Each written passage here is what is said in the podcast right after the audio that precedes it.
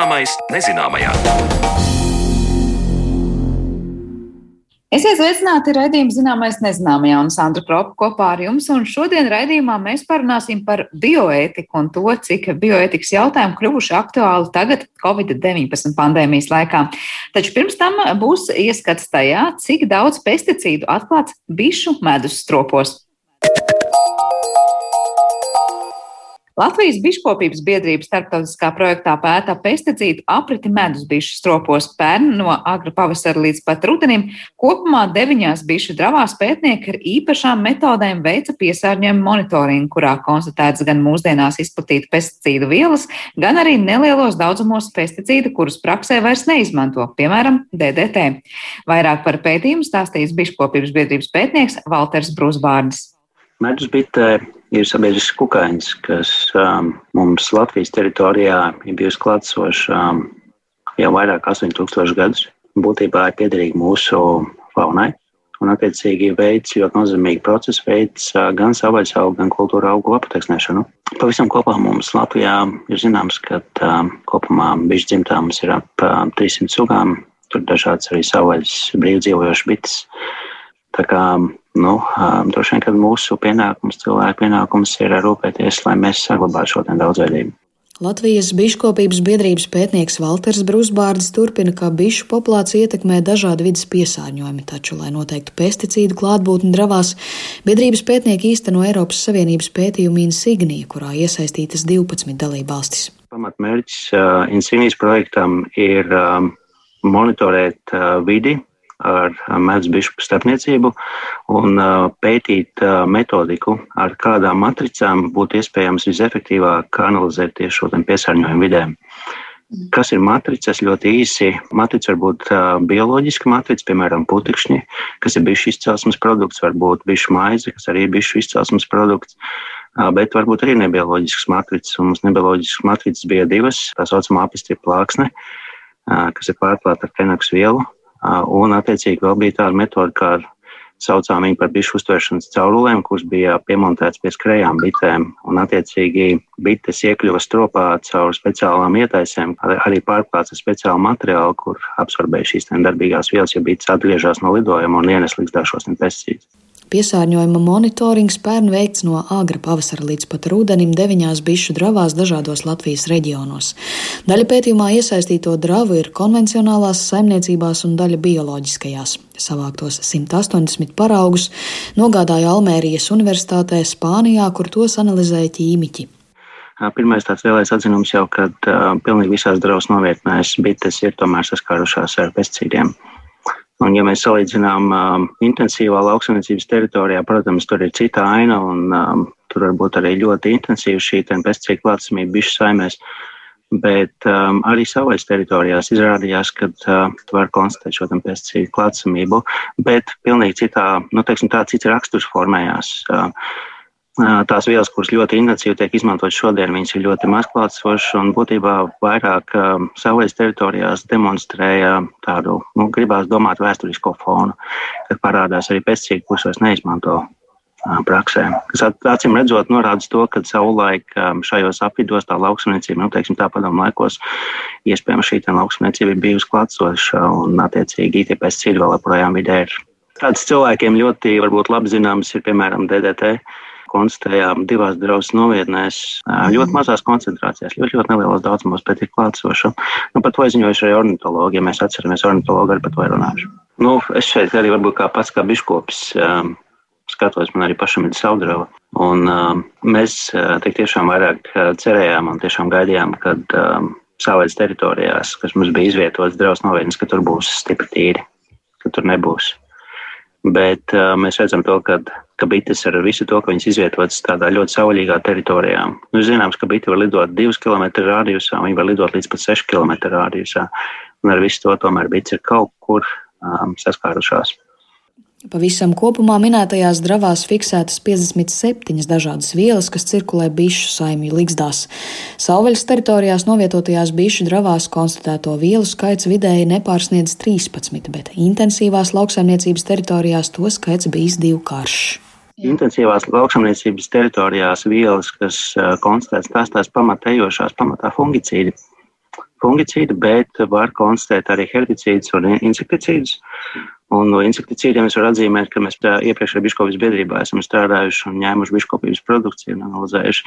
Pirmo reizi mēs konstatējām insignija projektā, kad ir imidaklopīds klātsošs. Imidaklopīds ir neoniktinīda grupas insekticīds, par ko arī bija Eiropā skaļas runāšanas par to, kad ir jāaizliedz un aizliedz 2019. gadā.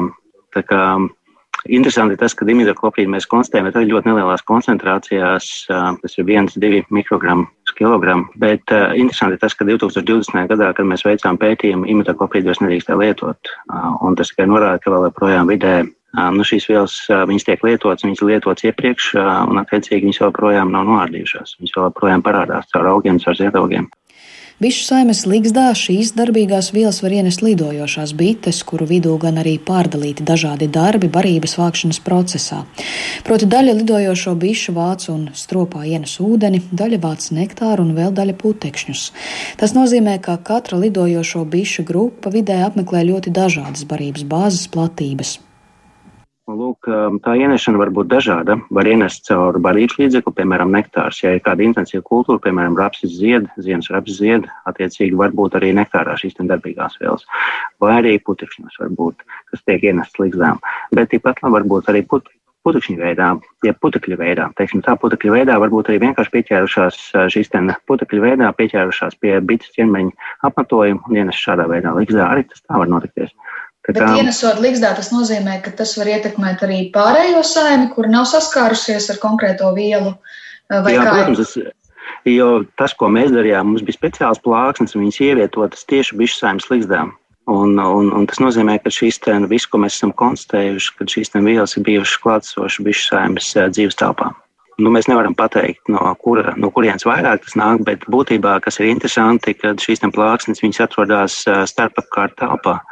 Un, um, tas nozīmē, ka bitēm ir bijis brīvi jākustās garām šīm plāksnēm, un nu, tas, kas uz bitēm ir bijis, tas ir arī paņemts. Bet uh, to nevar izslēgt. Es saprotu, ka arī tad, uh, ķermenī var būt. Nu, pašas bites ķermenī. Bitei tāpatās kā cilvēkam ir taukķermenis, un ja bite uh, saskarās ar uh, pesticīdu, un ja viņš tiek uzņemts gremošanas traktā, tad viņš var nokļūt arī bites taukķermenī. Uh, Tāpat kā cilvēkam, cilvēks arī mēs taču arī ēdam pārtiku, kurā var būt atliekvielas, un atliekvielas tas taču zināms, ka viņas pārsvarā ir taukoši šķīstoši, un viņas nonāk arī um, taukaudos. Ja mūsos monitorē cilvēkā, kas mūsos atrodas, un nu, droši vien arī mums varētu atrast, kad mūsu organismā ir akumulējušās kaut kādas vielas. Šajā pētījumā gan tiek veikts tikai piesārņojuma monitorings, nevis pētīta pesticīdu atliekvielu ietekme uz bites organismu. Taču pētnieks Valters Brūsbārdis atzīst, ka tas ir pamats arī tālākiem padziļinātiem pētījumiem. Nu, kā attiecīgi pesticīdu klātsamība, un šeit mēs arī Insignija projektā to redzam, ka bits patiesībā saskarās visu, visu sezonas griezumā šīs vielu buķeti mainās, bet kā šīs vielas tālāk miedarbojās, vai viņas pastiprina to toksiskumu vai samazina toksiskumu, kā viņas iedarbojās uz bišu saimē, tas nav zināms. Un tālāk jau uz imūnsistēmu. Skaidrs, ja bišu saimē ir kāds negatīvs faktors, kurš ietekmē bišu saimē, viņas pamat samazina arī šo bišu saimnes imūnsistēmu. Mēs Latvijā tikai varam jautāt, tas ir atkal nākotnes jautājums, pētniecības jautājums. Vai jūs varat mazliet pakomentēt, ko šis toksiskums varētu hipotētiski nodarīt? Nu, pētījumi pesticīdu jomā un ietekmi uz bitēm ir. Um, Teiksim tā, ka viņas uh, neaptiek ļoti plaši, bet, bet, bet diezgan intensīvi arī pētām. Un, uh, ja mēs paskatāmies tīri no ražotāja skatu punkta, tad ražotāji pirms reģistrē konkrēti preparātus, tur ir jābūt apakšā pētījumiem. Kas tad tiek atzīmēts? Um, tās blaknes uz bišu sājuma. Tad, nu, pirmkārt, ja mēs runājam par fungicīdiem, tad fungicīdi nokļūst arī bišu saimēm. Līgzdā, un fungicīds pēc savas būtības ir uh, ietekmē mikrofloru, kā rezultātā arī imūnsistēmu. Vēl virzieni ir virziens attiecībā neoniktinīdu grupas preparātiem, pamatā tās ir nervindas, un tad iedarbojās negatīvi uz kukaiņu nervu sistēmu. Attiecībā uz herbicīdiem tiek runāts arī par to, ka arī ietekmē lidojošo bišu orientēšanās spējas. Pētījumi ir plaši, plašā, plašā spektrā tiek analizēts.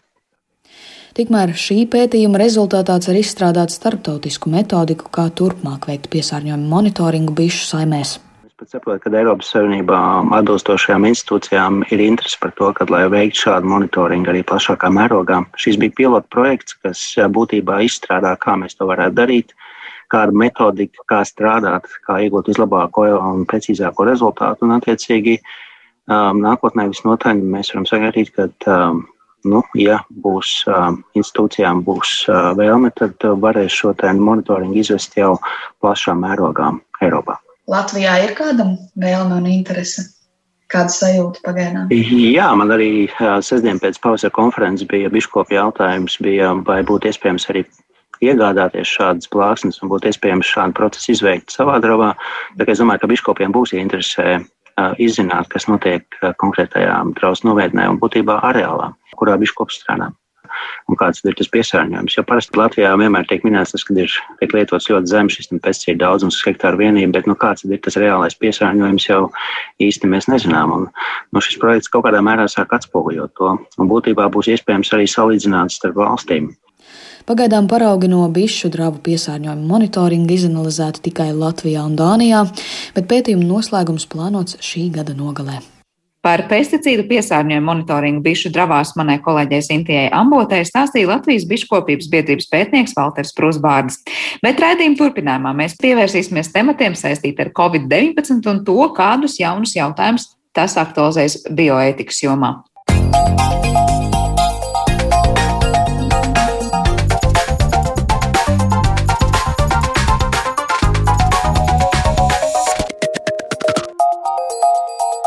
Zināmais nezināmajā.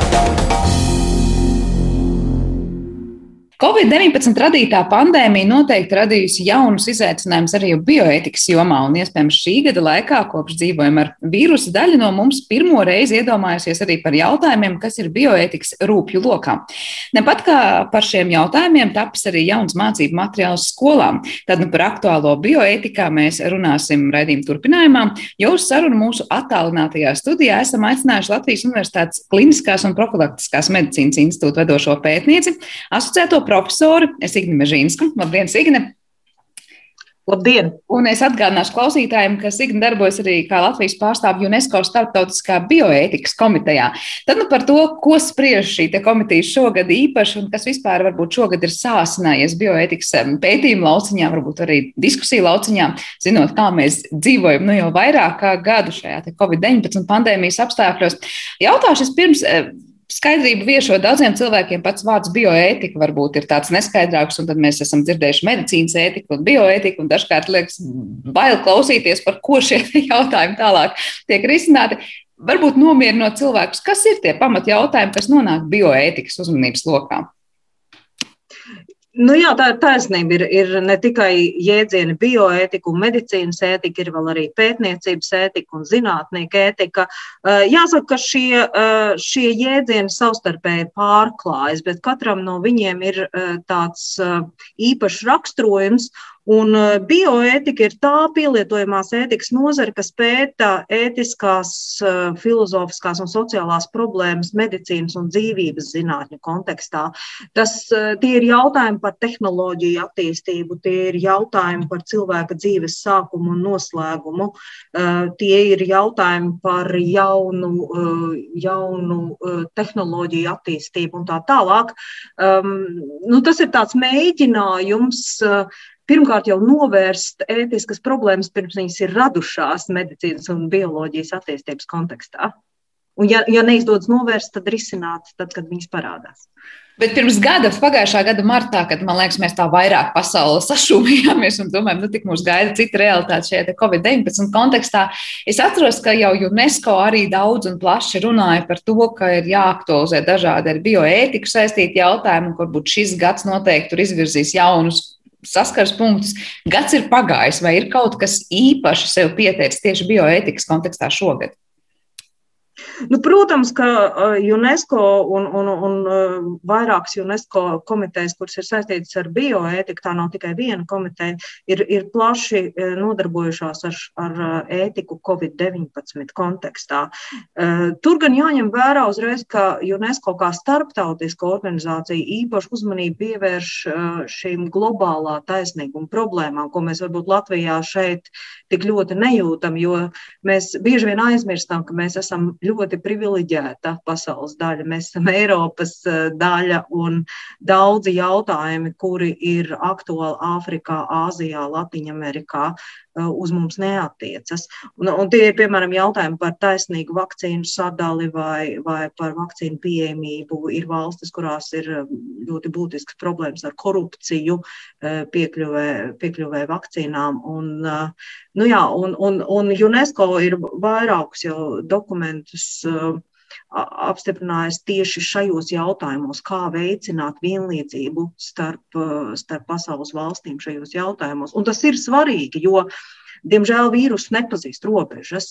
Vīrusu nevar ierobežot. Mēs redzam, ka tikko Latvijā parādījās arī Dienvidāfrikas Covid-19 paveids. Un, ja mēs nedomāsim par taisnīgu resursu sadali starp dažādām pasaules valstīm, mēs um, netiksim vaļā no šīs problēmas. Bet eh, tas, ko var ieteikt UNESCO, tas ir un paliek ieteikumu līmenī, tās ir kādas vadlīnijas, vai tas ir kaut kas, kurā tās, eh, piemēram, valsts ieklausās un ir spiestas ar ko rēķināties?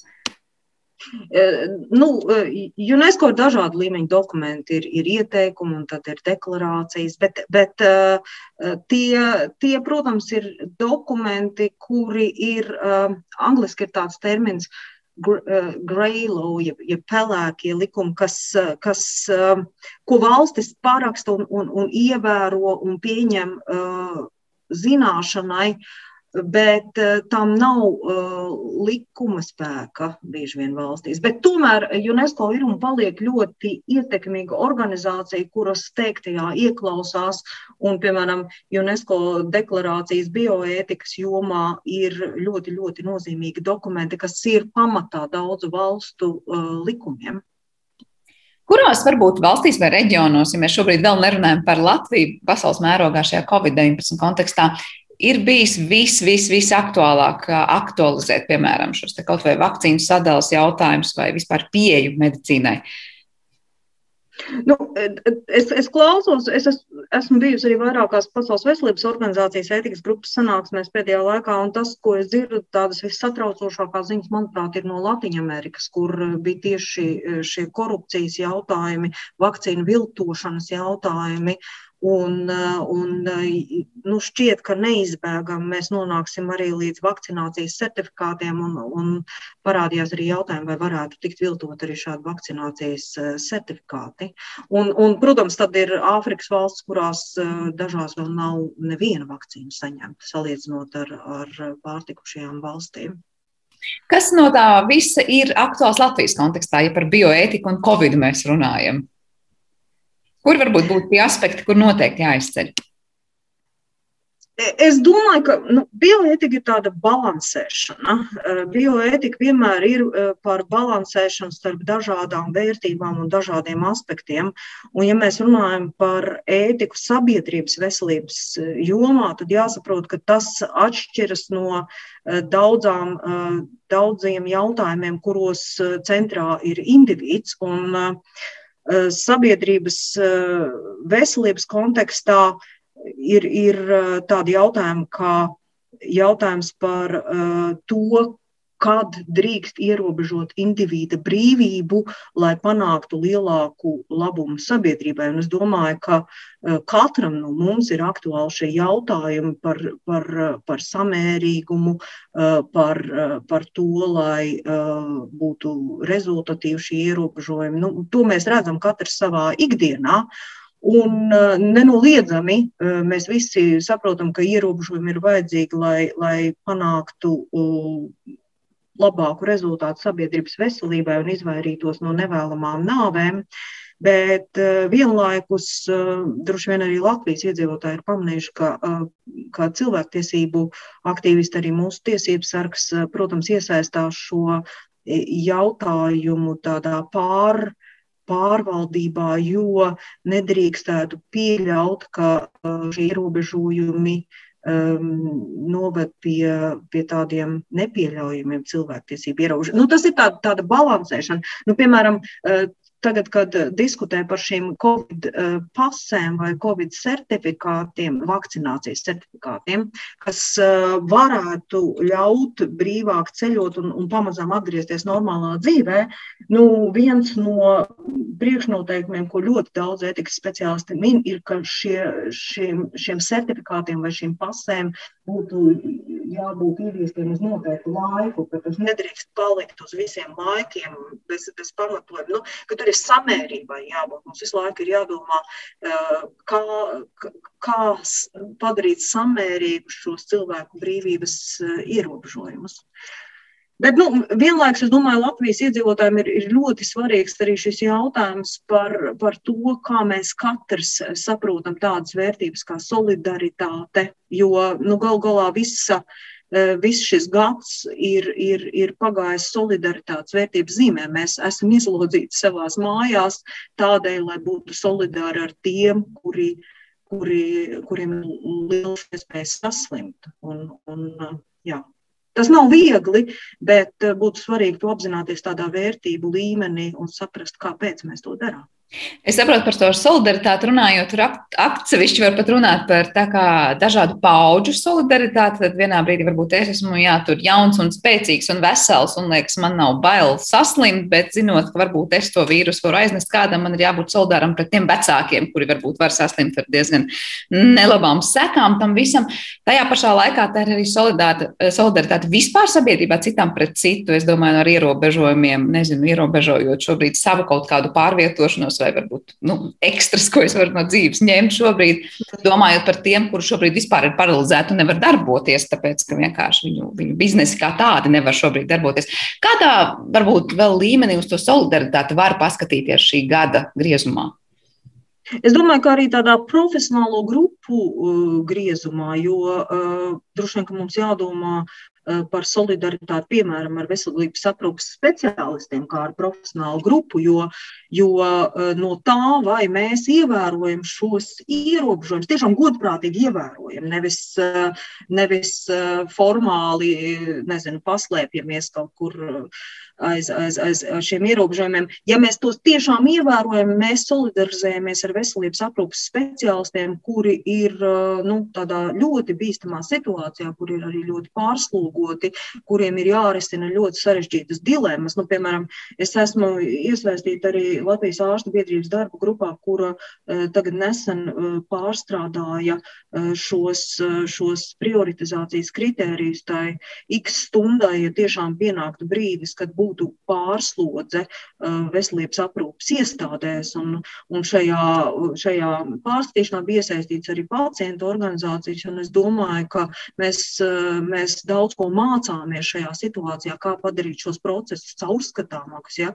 Un, un, un skaidrs, ka nu, neviens no mums negrib, lai, lai eh, mēs nonāktu pie šīs x stundas. Un, un tā arī ir tāda solidarizēšanās ar veselības aprūpas darbiniekiem, darīt visu iespējamo, lai nenonāktu līdz tam. Jo, ja, ja šī slimnīcu pārslodze pienāks, tad ārsti. Eh, ārstiem būs jābūt šajā situācijā, kas rada milzīgu morālo diskomfortu, jo mēs varam uzrakstīt vislabākās eh, vadlīnijas šādām situācijām, bet tomēr šī situācija nozīmē, ka ārstiem būs jāizvēlās starp, starp vairākiem pacientiem. Būs jāizvēlās, kuru pacientu ievietot šajā intensīvās terapijas nodaļā un kuru nē. Un, lai gan šie, šie kriteriji ir medicīniski, tik un tā, kā, kā ārsti paši ir uzsvēruši, tā, tas ir milzīgs diskomforts katram no, no ārstiem, kam šāds lēmums ir jāpieņem. Vienkāršot sakot, mēs varam skaidrot, ka tas par to x stundu un, un šiem lēmumiem ir stāsts par to, kuru pieslēgt pie mākslīgās LP aprināšanas sistēmas un kuru nepieslēgt. Un ārstam būs jāizvēlas, tad, piemēram, starp diviem pacientiem, jo vienam tikai pietiks vietu, un otram nepietiks. Par to ir stāsts. Ja? Nu, šobrīd tas pat vairs mazāk ir par, par mākslīgo plaušu ventilāciju. Par, par to šīs vadlīnijas pamatā tapa pagājušajā gadā, martā. Bet, bet šobrīd viņas tika pārstrādātas plašākas, jo šobrīd ir skaidrs, ka tas vislielākais risks ir intensīvās terapijas gultu trūkums kopumā. Ja, ka, ka pat, pat nevis kaut kāda atsevišķa aparatūra trūks, bet trūks šīs vietas intensīvajā terapijā. Vēl jau vairāk var trūkt speciālistu, jo intensīvā terapija, protams, prasa ļoti, ļoti nu, tādas specifiskas, specifiskas zināšanas un, un, un prasmes. Jā. Un te nu jāuzsver, ka, ka šajās, šajās, šajos dokumentos, protams, ka ir uz, uzsvērti medicīniskie kriteriji. Nav runa ne par kādiem sociāliem kritērijiem. Arī vecums tur nav. Tur ir, tur ir tikai šie ļoti skaidri ārstu definētie medicīniskie kriteriji, kas nosaka sagaidāmu dzīves ilgumu. Un, un, un tad pēc tā ārsts izlem, kuru prioritizēt. Pie tam to lēmumu nepieņem viens ārsts, to pieņem vairāk ārsti kopā un tā tālāk. Tas ir tas koncīlijs, bet es saprotu, ka koncīlijs jau vadās pēc šīm vadlīnijām, vai ne, ko, ko vismaz uzraksta uz papīra, un ārstam ir pie kā pieturēties tajā brīdī, kad tas lēmums smagais ir jāpieņem. Un, un tas jau ir svarīgi arī eh, tāda taisnīguma principa dēļ, jo uh, ir svarīgi tomēr ieviest vienādus principus visās Latvijas slimnīcās, lai nebūtu tā, un, un, un arī pārraudzīt šo, šo sistēmu, jo uh, arī neatliekamās, vesl, neatliekamās palīdzības dienas bija iesaistīti šajā procesā, jo kādam, mēs nevaram runāt par vienu slimnīcu, vai ne, jo, jo nu, varbūt kaut kur citur ir brīvas gultas, un tādēļ ir izveidota sistēma, kā šīs brīvās vietas tiek pārraudzītas uzraudzīts un tiek skatīts valstī kopumā, ka, ka ja pienāk tas brīdis, kad 90% intensīvās terapijas gultu ir aizņemtas, tad, tad stājas spēkā šī, šī darbības uh, schēma, bet atkal tur ir tā iespēja, ka ja nav vienā slimnīcā šīs intensīvās terapijas iespējas, tad pārved uz citu slimnīcu. Un, nu, tas ir tāds ļoti komplekss process, jo nedrīkstētu būt tā, ka cilvēkam vienā Latvijas pilsētā nav pieejama šāda, šāda aprūpe, bet citā Latvijas pilsētā varbūt ir tukša gulta. Jā. Bet idejas, ka tur ir stāsts par to, ka tur laikam bija četras grupas jā, ar pacientiem, kuras ir izjūt no tā, kāda ir pēc tam šī iespējamā dzīve ilga vispār un ārstēšanās iespējamība. Tad tā izvēle tiek izdarīta par labu. Nu, vienkārši sakot, vai cilvēks pie, pieslēgs pie šīs sistēmas, vai esot intensīvajā terapijā, vispār var atlapt, un vai tad, cik ilgi viņš var nodzīvot kādā mm. dzīves kvalitātē, neatkarīgi no vecuma. Šoreiz. Jā, un, un tur ir nu, tiešām ļoti detalizēti šie kriteriji, ko izstrādāja ārsti, un, un tie ir balstīti uz starptautiskiem kritērijiem. Kā, protams, ka vienmēr var, var uzlabot, un, un jāsaka paldies pacientu organizācijām, kuras arī e, sniedza, sniedza būtiskus ierosinājumus par dažām, dažiem punktiem šajās, šajā dokumentā, un, un, un tas arī tika ņemts vērā. Jā. Kā vispār šādi lēmumi tiek pieņemti, vai var teikt, nu, vispār šādas vadlīnijas tiek izstrādātas, nu, lai tiešām būtu droši, ka neviens nekur nav aizmirsis par kādu ļoti būtisku aspektu kādai konkrētai grupai vai cilvēkam. Varbūt ir iespējams ieska, ielūkoties, nu, kā, kā notiek vispār darbs pie šāda veida dokumentu izstrādes. Tas ir interesants jautājums, jo, jo tikko mēs, mēs redzējām tādu sabiedrības neapmierinātību par to, kā daži jautājumi, kas bija saistīti ar, ar, ar eitanāziju, tika izskatīti sēmas komisijā. Man liekas, ka reiz tur nebija ievēroti šie principi. Nu, nu, tā, arī tas nav tikai Latvijā, tas ir arī starptautiski. Kā, ja mēs runājam par bioētikas dokumentu izstrādi, tad ļoti svarīgi ir dažādu iesaistīto pušu uzklausīšana. Tas nevar būt dokuments, ko, piemēram, izstrādā tikai ārsti. Uh, vai tas nevar būt dokuments, ko izstrādā tikai politiķi vai, vai tikai pacientu organizācijas. Ir jāatrod veids, kādā iesaistīt visas eh, šīs, eh, šīs puses un uzklausīt visu, visu pušu viedokli. Uh, un, un, un tad no tā izdarīt eh, tādu kopsavilkumu un, un, un izstrādāt labāko iespējamo variantu. Jo, jo protams, bioētikā ir, ir eh, daudz piemēru, kur, kur nevar izstrādāt ideālas rīcības eh, vadlīnijas, kur visi būs ieguvēji.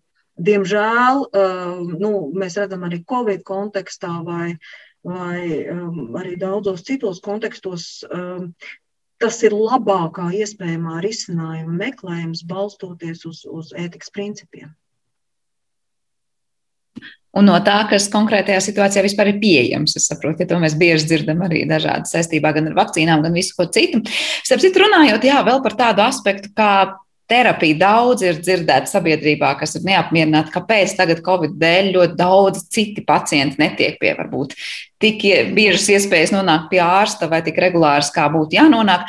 Kā šeit samērot un kā īsti Latvijā šobrīd notiek? Vai tiešām tās slimības, kuras tur ir visu laiku, kā saka, slimniekiem jāsaņem palīdzība, viņiem tā ir nodrošināta, vai tomēr mēs šeit staigājam par tādu nāžu asmeni un sakam, tagad tur ir covid un jūs pie ārsta netiekat un netiksiet? Es saprotu, ka onkoloģijas vai HIV pacienti tomēr tiek pie tās terapijas, kas viņiem būtu jāsaņem. Jā, nu es, es nevarēšu atbildēt eh, statistiski, bet, bet eh, nu, mēs redzam masu medijos, ka, ka piemēram, onkologi eh, ceļ trauksmi. Viņi saka, ka ir pacienti, kuri, piemēram, varbūt pat ir iespēja pierakstīties pie ārsta, bet viņi neiet, jo viņiem ir bail, bail ka viņi saslims vai, vai inficēsies ar, ar covid. Um, Es nevaru atbildēt eh, nu, statistiski, bet eh, tas pilnīgi noteikti ir jautājums, kas ir jāņem vērā, jo atkal tas ir par šo balansēšanu. Mums ir jāsabalansē eh, šie riski, kuri ir Covid-19 kontekstā ar, ar riskiem, kas var rasties plašām sabiedrības grupām, dažādām sabiedrības grupām, ierobežojumu dēļ. Nu, es domāju, ka ir noteikti jāieklausās eh, pēdējās nedēļās vairāk bērnu psihiatri ir eh, runājuši par pusauģu veselības problēmām, kuras pieaug eh, Covid-19 kontekstā un ierobežojumu kontekstā tieši.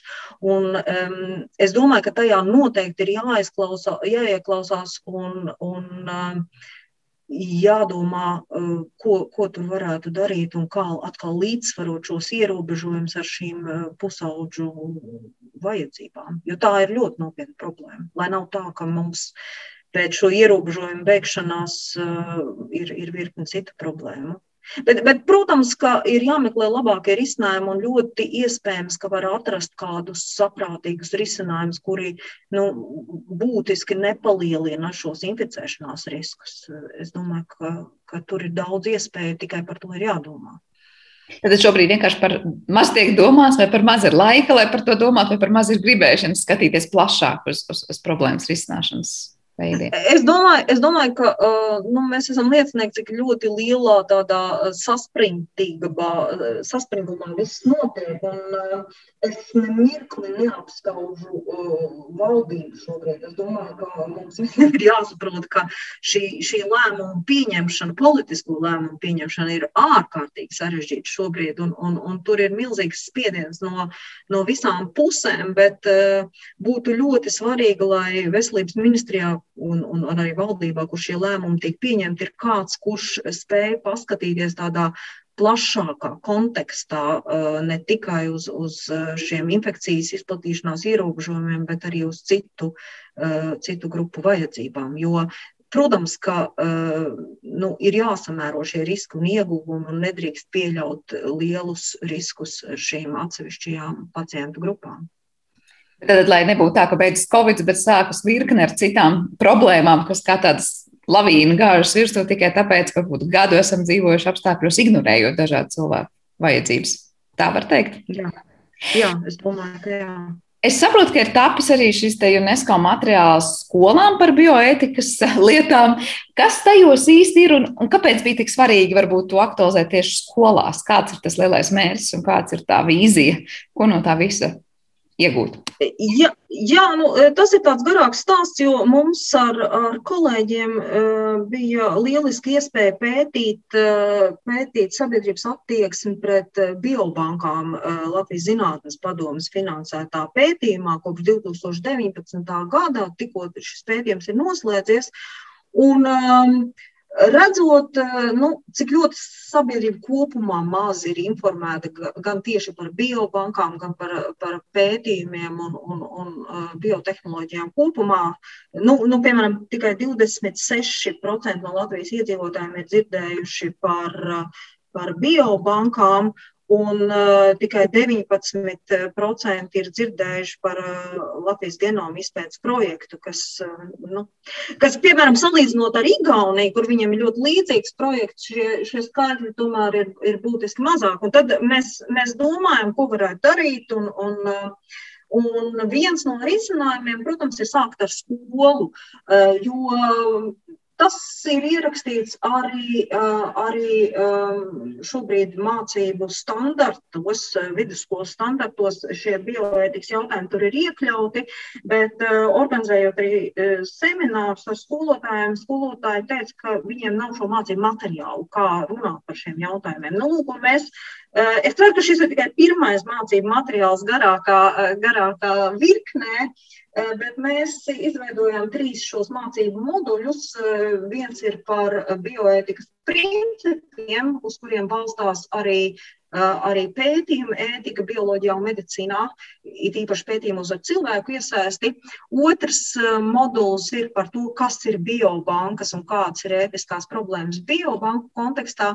Un trešais ir viens konkrēts piemērs par Henrietu Laksu un, un Hela Šūnu līniju, kas pasaulē ļoti labi zināms. Un, Pagājušajā gadā Henrietē Laksai bija simt gadu jubileja, un Nu, jā, tās, ir, tās ir pasaulē visvairāk lietotās uh, cilvēka šūnas uh, laboratorijās. Uh, ir, ir tas skaitlis, ka līdz šim ir izaudzēts vairāk kā 50 miljoni tonu Eh, Henriets Lakšūna. Lūk, un mēs eh, šajā materiālā eh, dodam šo, šo informāciju gan skolotājiem, gan skolēniem, un arī metodus, kā runāt par šiem jautājumiem, lai rezultātā skolēniem jau skolā rastos priekšstats ne tikai, ne tikai bioloģijā par to, kas ir genoms, genoma izpēte vai cilvēka bioloģiskais materiāls un tā izmantošana zinātnē, bet arī par šiem ētiskajiem jautājumiem, kas rodas uh, rodas eh, šo, šo, šīs zinātnes attīstības kontekstā. Pie tam tas nav tikai tāds, eh, tāda domāšana par eh, tālu nākotnes skolēniem. Mēs zinām, ka skolēni raksta zinātnes pētnieciskos darbus, un, un Latvijas universitāte ir cieši iesaistīta gan šo darbu konsultēšanā, gan vērtēšanā. Un, uh, mēs tomēr ik pa brīdim sastopamies ar situācijām, kur uh, skolotāji vai skolēni nav uh, zinājuši, kāda ētikas principi ir jāievēro, vai ka jāsaņem šī informētā piekrišana, ko tas vispār nozīmē.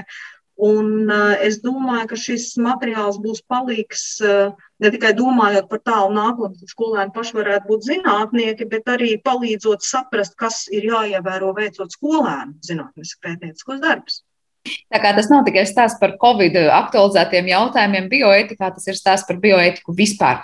Bet noslēdzot šo sarunu, lasīju, kur ka teica, ka jā, tas, par ko bioētikas eh, speciālisti runājuši un domājuši dažādu aspektu kontekstā jau sen, šogad nu, beidzot ir sadzirdēts arī plašākā sabiedrībā, jo mēs saskaramies ar dažādām šīm Covid-19 realitātēm. Kas ir tie jautājumi, varbūt, pie kuriem mēs varam teikt, tā plašākā sabiedrība nonāca tikai šogad, bet bioētikā par to runāja jau sen?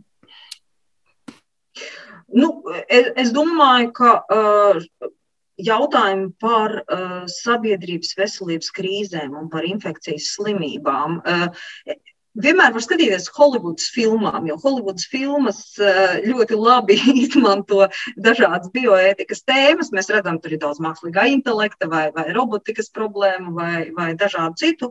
Un, un, un Holivudas filmās mēs jau kādu laiku redzam šos, šīs versijas par to, kas notiek pandēmijas gadījumā. Nu, lūk, eh, mēs esam bioētikā iepriekš domājuši, ko, ko, kas būtu jādara šādas globālas pandēmijas gadījumā. Un, diemžēl eh, tagad ir, ir pienācis laiks eh, izvērtēt, vai, vai šī mūsu izpratne atbilst realitātei un eh, vai mēs pietiekami labi varam īstenot principus.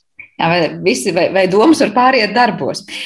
Bet nu, par to solidaritāti runājot, arī es tā iedomājos, mēs piesaucam solidaritāti ar dažādām paudzēm un, un arī profesiju pārstāvjiem. Patiešām arī valsts solidaritāte vai neparādās šajā kontekstā, ka varāk, varam no vienas puses kā izolēties, bet nu, varbūt fiziski izolēties, bet kopā mērķu sasniegšanai, jo man liekas, pasaule tomēr strādā ļoti vienoti šobrīd. Un, var teikt, ka tādas pārrobežu sadarbības ir tikai nu, pamat, pamats. Vienalga, vai tas ir stāsts par brīvu gultu piedāvāšanu valstīm, kaimiņu valstīm, kurām to nav, vai tas ir stāsts par vakcīnu, vai tas ir stāsts par kādu citu ierobežojumu saskaņošanu. Jā, jā, un ir daudz tāda brīnišķīga solidaritātes piemēra tepat Eiropā. Nu, tieši tā par, par šo uh, gultu dalīšanu vai, vai uh, piedāvājumiem palīdzēt tādās uh, kritiskās situācijās. Uh, Un eh, es domāju, ka tā ir tāda laba, laba mācības stunda. Mēs, es domāju, ka kopumā arī zinātnieki būs ļoti daudz ko iemācījušies par vakcīnu e, izpēti milzīgi ātros tempos. Tas šķiet nekad nav noticis tādā tempā, kā tas notika šobrīd. Un, um, nu, mums ir vakcīnas, un tas ir neticami. Ja mēs paskatāmies, kur mēs bijām pirms gada un kur mēs esam šobrīd, es domāju, ka zinātnieki ir paveikuši milzīgu, neticami lielu darbu sabiedrības labā. Jā, tiešām pirms gada, man liekas, mēs par to runājam kā lielu sapni vai vispār nereālu nākotni, kad būs un vai būs tik ātri, bet redz, kā šajā brīdī mēs jau risinām jautājums par to, kā efektīvāk sadalīt tās vakcīnas un kā godīgāk tās sadalīt. Un te arī neiztikt bez šiem bioetikas jautājumiem. Lielas paldies par šo sarunu. Nu, vairāk kā skaidrs, ka no Covid-19 daudz ko varam mācīties un daudz ko arī esam jau iemācījušies. Lūkosim, kā šī situācija attīstīsies tālāk. Bet šobrīd teikšu lielu paldies Latvijas Universitātes Kliniskās un Profilaktiskās medicīnas institūta vadošajai pētniecei un arī asociētajai profesorai Signai Mažinskai par šo sarunu. Ar to arī raidījums ir izskanējis. Par to parūpējās producents Armīta Kolāta un mūzikas redaktors šajā stundā bija Girds Bišs. Ar jums kopā bija Sandra Kropa un atgādināšu, ka raidījumu zināmais nezināmajā var klausīties arī populārākajās podkāstu vietnēs. Uz tikšanos!